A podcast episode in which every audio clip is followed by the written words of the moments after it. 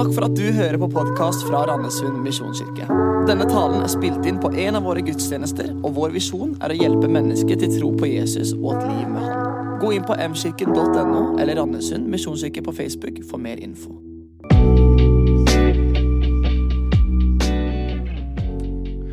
Før jeg begynner å tale i dag, så vil jeg bare rette opp et par ting. For det kom noen til meg eh, mens møteleder var oppe, så sa skal ingen tyde de tungene. Så sa jeg nei, det er trøndersk. Så bare så har vi sagt det. Veldig bra å ha Camilla med oss her. Håper jeg du tar igjen. Eh, det er sånn at eh, Når vi tenker på forskjellige personer, så er det ikke alltid at vi tenker på det som er viktigst, det som de faktisk har gjort mest, eller slutten. Det er litt sånn forskjellig. Eh, for eksempel så har vi han her. Han eh, kalles for Jimmy Carter. Faktisk ikke hans ekte navn engang. Så kan du gjette hva navnet til James Earl egentlig er. Og når vi sier Jimmy Carter, så vil de fleste si han var president, og det var han i fire år, 77 til 81. Men han var òg eh, søndagsskolelærer for voksne. Det er sånn at Mange menigheter har eh, bibelundervisning for voksne før gudstjenesten i USA. Og han var det hele livet sitt. Altså Fra han var ung til han var over 90 år, var han søndagsskolelærer. Etter han var president, så begynte det å bli veldig fullt på de søndagsskoleundervisningene. Det var et eller annet som skjedde der. Etter han var ferdig som president, så gjorde han kanskje det som imponerer mest, og som han burde huskes mest for. Han fikk faktisk Nobels fredspris for sitt engasjement for fattige, for hjemløse, for folk som hadde det vanskelig. Han sørga for at det ble bygd utrolig mange habitat, eller hus, for fattige. Han var med og bygde mye sjøl. Sto alltid på, samla veldig mye inn. Og han jobbet utrolig mye for rettferdighet rundt i verden. Så er interessant med Jimmy Carter at det er ganske mye annet enn president. Hvis vi går til Bibelen og så sier vi kong Salomon, så sier ah, han var, den, eh, han var en vanvittig konge. Han var rik. Det var han som ba til Gud om visdom, og så ga Gud ham bare alt annet. Det er helt riktig. Men han fikk òg 700 kroner og det eh, gjorde han ikke noe særlig godt av 700 kroner, for han falt ifra troen og begynte å dyrke mange andre guder og mye rart. Og så er det noen som har lagt til jo, men på sine eldre eldre dager så hadde han en omvendelse. Det står ikke i Bibelen, det står han falt ifra. Men en husker ikke det. I dag så skal vi til to søstre, der hun ene har et ufortjent dårlig rykte. Og det er Martha og Maria. For med en gang vi sier Martha og Maria, så er det én historie som dukker opp i hodet til mange. Og det er denne historien her. De dro videre. Det er altså Jesus og disiplene. og Jesus kom til en landsby der en kvinne som het Martha, tok imot ham i huset sitt. Hun hadde en søster som het Maria, og Maria satte seg ned ved Herrens føtter og lyttet til hans ord. Men Martha var travelt opptatt med alt som skulle stelles i stand. Hun kom bort til dem og sa, 'Herre, bryr du, om, bryr du, deg ikke om at min søster lar meg gjøre alt arbeid alene?' 'Si til hun at hun skal hjelpe meg.' Men Herren svarte, 'Martha, Martha.' Du gjør deg strev og uro med mange ting, men ett er nødvendig. Maria har valgt en god del, og den skal ikke tas fra henne.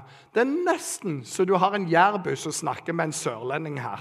i dette avsnittet. Jeg er med jærbuen. Altså, det er en haug med gjester. og Hele disippelflokken, sikkert noen andre òg. Sånn 12-15-20 mannfolk der. Du skal vaske beina til, du skal tørke alt dette, du skal lage mat til dem, og de er veldig sultne. Du skal feie vekk alle ting, du skal lage plass nok til alle i stua. Alles. Og de satt jo ikke, de lå jo rundt, så du tok jo masse plass, dette her, og det skal se litt presentabelt ut. Det er for mye for en, og så er det ei som bare sitter sånn, yeah, wow! Og så sier kom igjen, kom igjen, kom igjen. Og så nei, så eh, denne teksten er forsynt mye opp. Det er ikke en tekst om latskap, ok? Men Jesus kan sette ting i perspektiv. Jeg elsker sånne Martha-typer. Og sånne Maria-typer de trenger vi òg. Faktum er at det er tre hovedtekster om disse to søstrene, men det er den de fleste husker.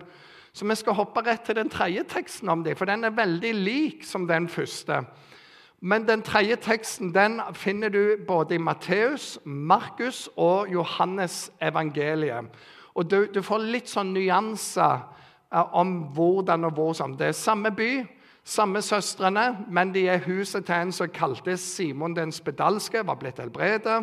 Og nå feirer de, og så var en vekt opp ifra de døde, så de feirer litt det òg. Og det var masse gjester i, hus, i det huset. Og hvem er det som varte opp? Jo da, det er vår kjære Martha fra Jæren. Og Der står det seks dager før påske kom Jesus til Betania, der Lasarus og Martha Maria bodde, han som Jesus hadde vekket opp fra de døde.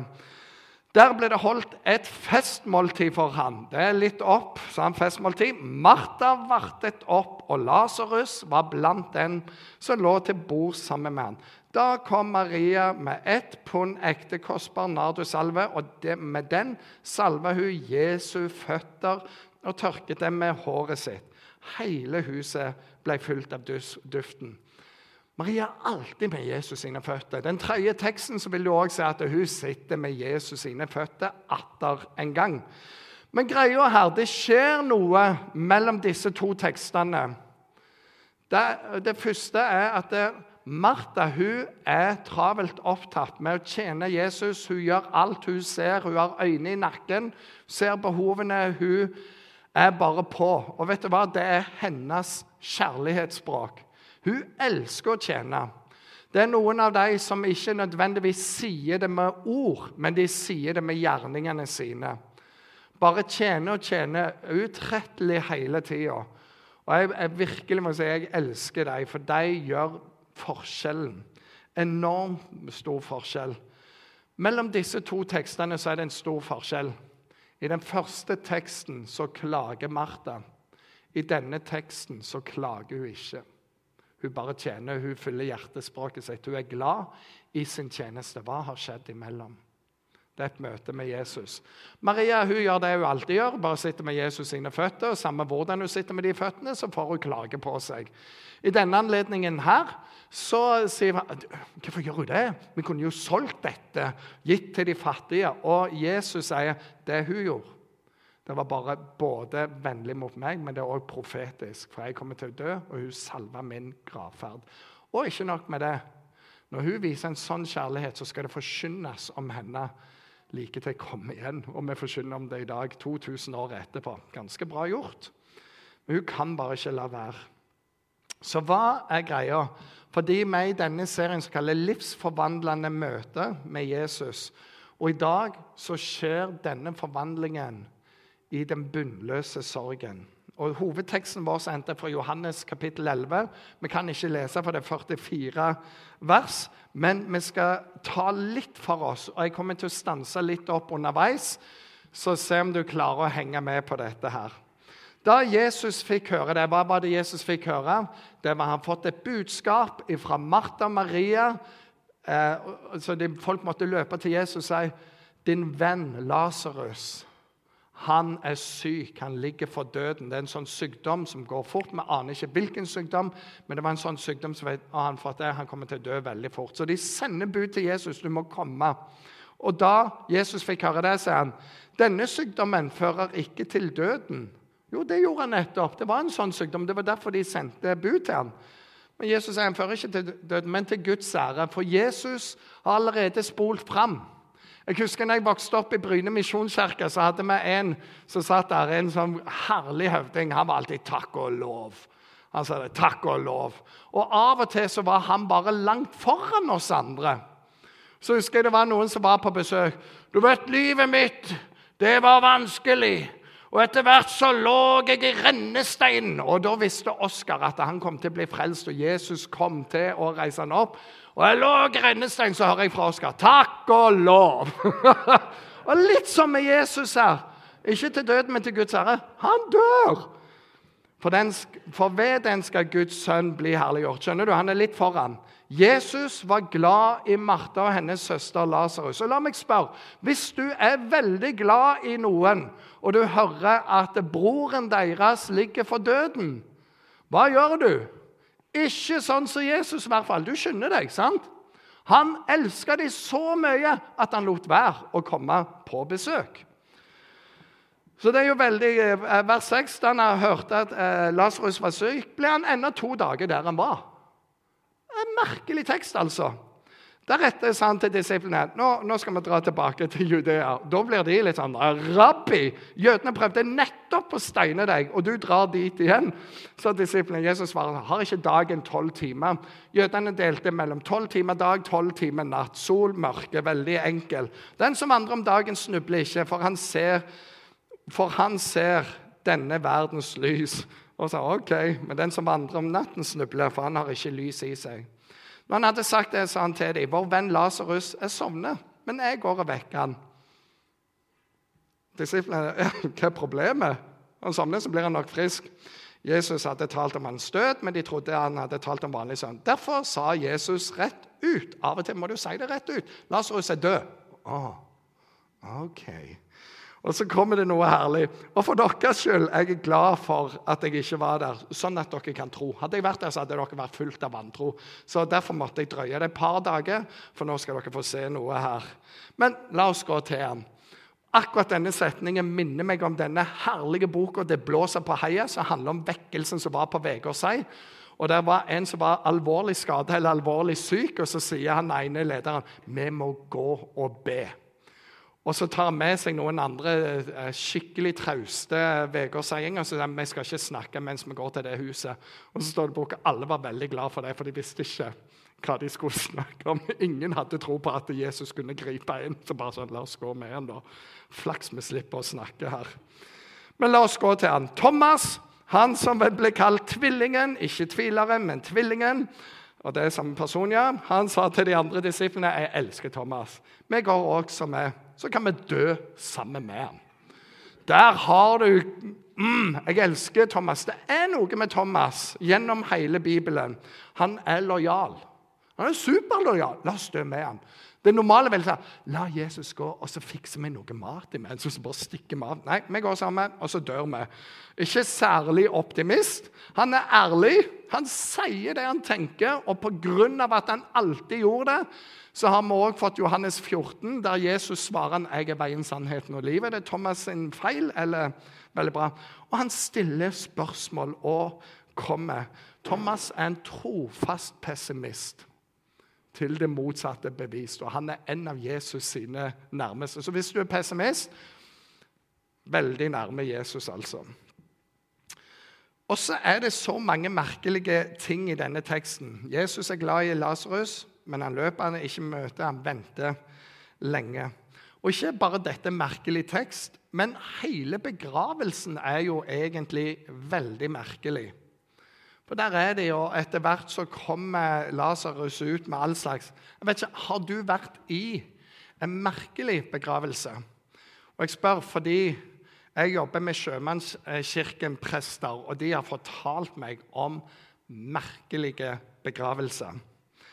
To av mine favoritter jeg har fortalt det før, men det var, de var i et land, og de skulle begrave en, en norsk kaptein, eh, sjømann og jorda var leirholdig, og det pøste og pøste ned med regn. Så når de skulle senke kista, så fløyt den. Han lå der og vagga rundt. Og de blir litt sånn, og så ser de på enka som var i dyp sorg. Hun klarte ikke å stoppe. Hun lo og lo og lo. Og så sa hun Og dette hadde han elsket. Dette er jo midt i ånda, han! Og en annen hadde en begravelse i Japan, og der er de jo veldig formelle og korrekte. og De står der på sida. Det òg var på en regntung dag. Det var ikke leirholdig jord, det var sånn jord som gir etter. Det vil si at når de sto der og grava var der, så plutselig så detter noe jord unna. Og han ene japanske mannen ned under, han òg. Og alle andre står jo korrekt. Og han som er norsk prest, liksom mm, Hva gjør jeg nå, liksom? Og så bare sa han nei, du bare fortsetter å messe det du skal si. Og så står han fortsatt og har øynene der, og så ser han ei hånd komme opp av grava, en annen hånd, og han kraver seg opp, stiller seg opp der, helt gjørmete. Veldig korrekt. Ingenting har skjedd her. Dette er en merkelig begravelse. Veldig merkelig begravelse. Og det er noen søstre som er i dyp sorg her. Vi skal ha en liten pause, for vi skal til denne dama her. Elisabeth Kubler-Ross. I 1969 så studerte hun og fant ut en del ting. Eh, hun studerte terminale pasienter. Hva skjer? Eh, hvilke faktorer påvirker oss i møte med døden? Og så sa hun jeg, jeg kom fram til fem stadier. Og når hun kom fram til det, så lagde hun en sånn rekkefølge. Du skal innom alle disse fem i den rekkefølgen. Seinere har de funnet ut det er ikke nødvendigvis denne rekkefølgen. Det kan være i hytt og vær. Du kan starte faktisk på slutten og hoppe til begynnelsen. Fram og tilbake. og Noen er innom én og to og tre og kan ha andre ting. Men det har gitt oss et språk og en forståelse og hjelp i folk som er i denne type krise, til å plassere noen ting. Og Den første det er fornektelse. Og den er sånn 'Jeg skal ikke dø'. Ja, det, ja, jeg har kreft, men den er ikke så farlig. Fornektelse klarer ikke å, å innrømme det. det. det. er vårt ego som tar en defensiv holdning, sier de, og prøver å skyve det. Det neste er sinne. Og den emosjonen som dukker opp når vi møter en hindring. Og vi må finne ut at det er noen sin feil, dette her. Og det kan være hvem som helst. Det er min feil, det er legen sin, det er Guds feil, det er noen sin feil. Og så kommer du til denne forhandling, som er når du skjønner at sinnet ikke kan løse det, så prøver du å begynne å forhandle. Veldig mange fant hun ut de ble litt sånn føyelige fordi en håpte at hvis jeg bare er snill nå, så kanskje går dette over. Eller folk begynner å spise veldig sunt, for da skal vi liksom redde dette her. Og så prøver en å forhandle seg ut av det. Depresjonen er det fjerde. Og det er fordi du føler deg maktesløs. Det går jo ikke. Og så har du det ak aksepten, som er at du kan begynne å prosessere det. Og du, du ser fram mot framtida. Og det som er her, det er at du begynner å tolke betydning av tap uten å skylde på noen. Og som sagt, dette kan gå om en annen. Hun kalte det stadiet. Seinere har han sagt kanskje et bedre ord er holdninger til tap, og ikke stadier. Men det hjelper en med å sette ord på ting og behandle sørgende mennesker. Og at det vi går igjennom, kan bli normalisert. Hvorfor drar jeg opp denne modellen? Jo, fordi nå skal du få tenke Martha og Maria, når Jesus kommer til dem hvor er de i denne modellen?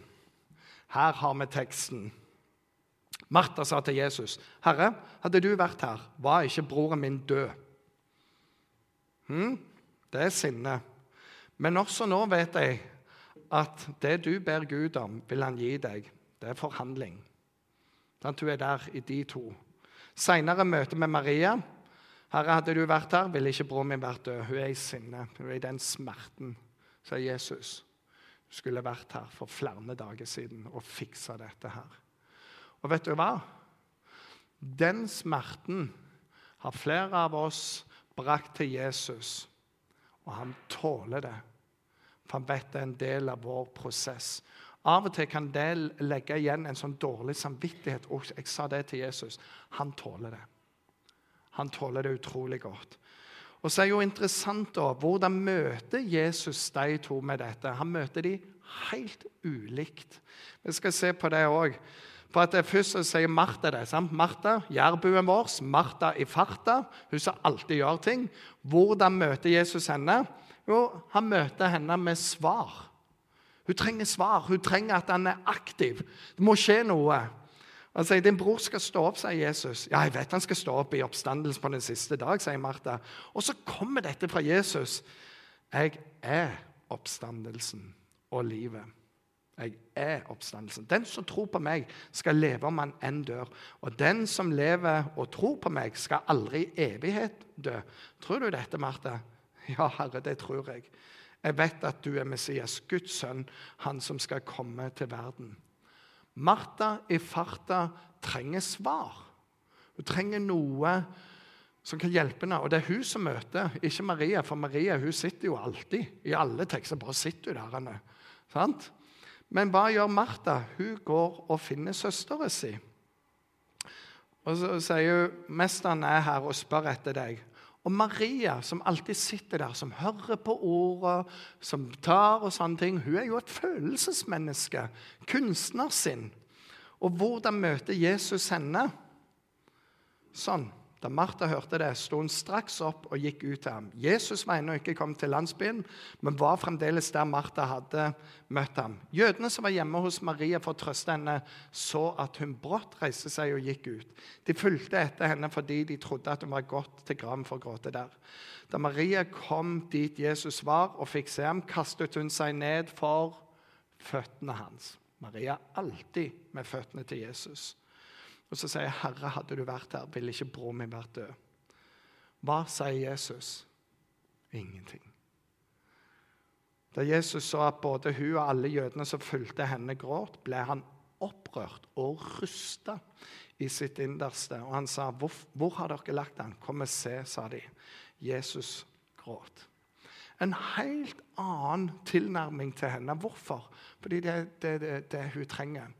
Etter Katarina, stormen hadde gått gjennom New Orleans og tatt dikene, demningene, og rasert boliger. Folk var døde. Så finner de en mann langt ute i ruinen. Han bare sitter der. Person etter person har gått ut. Han sier du kan ikke sitte her. Det lukter død. her. Du må komme deg inn og få mat og få ly og alt. Men han bare sitter der. Så de, de tilkaller en pastor og sier kan du gjøre noe? Vi har prøvd alt. Pastoren går ut sier ingenting, ser på han, setter seg ned på sida av han. Og der sitter de to i tre kvarter uten å si et eneste ord. Så sier han som sitter der, han snur hodet og sier han, 'Thanks for sitting with me, pastor'. Takk for at du bare sitter her. Så reiste han seg og gikk. Hva sa pastoren? Ingenting. Har en nydelig fortelling fra Ole Brumm. Jeg vet ikke om dere husker han eh, der. Men det er Ole Brumm som sitter med Nassenøff, og historien går sånn. Ole Brumm sier sånn Dagen i dag var en vanskelig dag, og det er en lang pause. Vil du snakke om det? spurte Nøff. Nei, sa Brumm etter en stund. Jeg tror ikke jeg vil. Ja, det er helt ok, sa Nøff. Og så kom han og satte seg ved siden av sin venn. Hva, hva gjør du? spurte Brumm. Ingenting, egentlig, Sanef.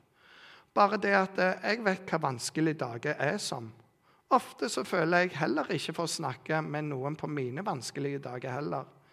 Men du godeste, fortsatte Nef.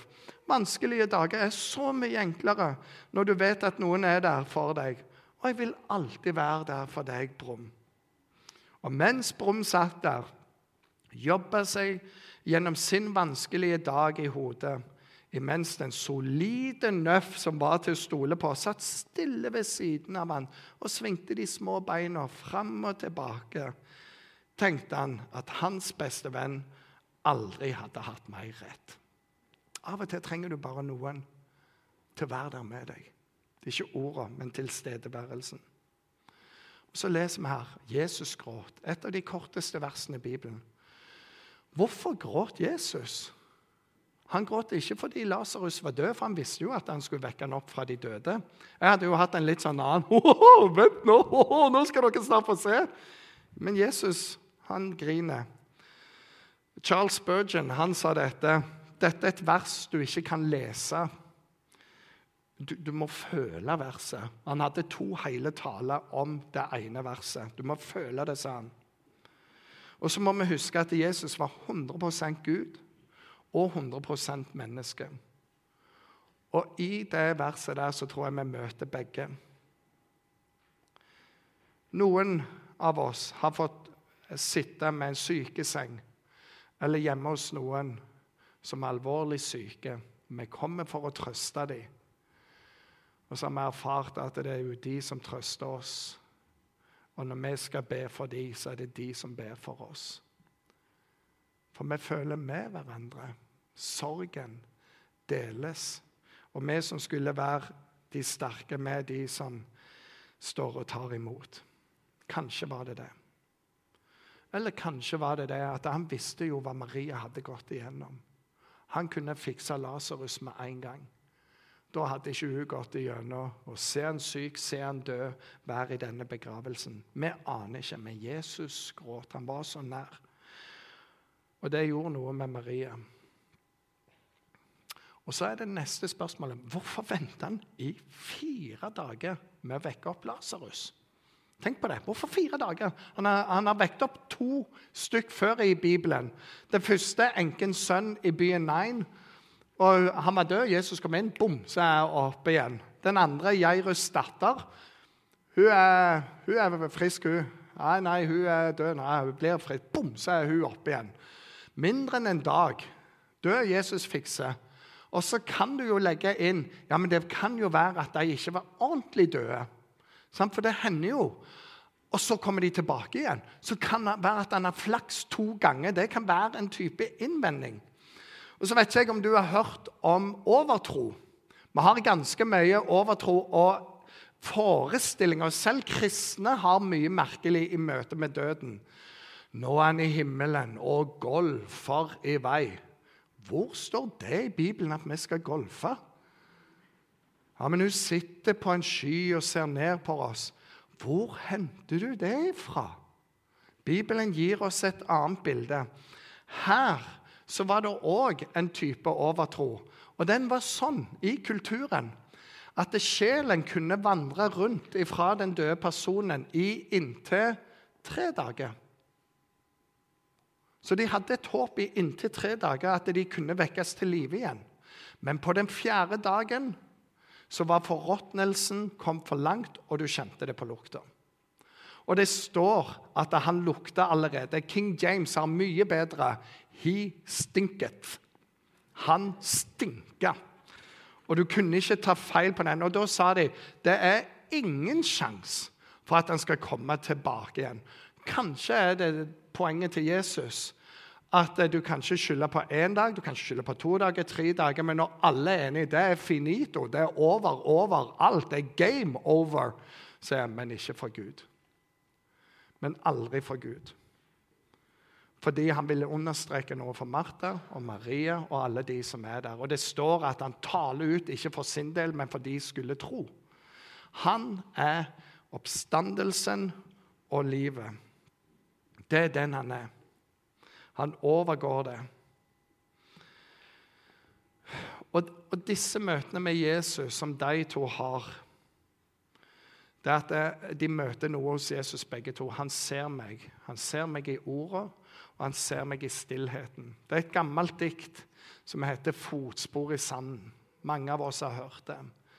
Men en ser da to fotspor i sanden. Det er Jesus sine fotspor, og det er mine. Og så ser en at vi går side om side, og vi har en dialog. Men så ser en der det blir vanskelig, der er det bare ett spor i sanden. Skjønner ingenting. Og så spør han Jesus forlot du meg når jeg hadde det vanskeligst. Så sa han nei, det er ikke sånn. Jeg forlot deg ikke. Jeg bar deg. Jeg bar deg igjennom. Men du merker det ikke. Og I stillheten det er ikke alltid du merker det, men han er der. Jeg bar deg, jeg var der. Og så er det denne setningen som står da igjen.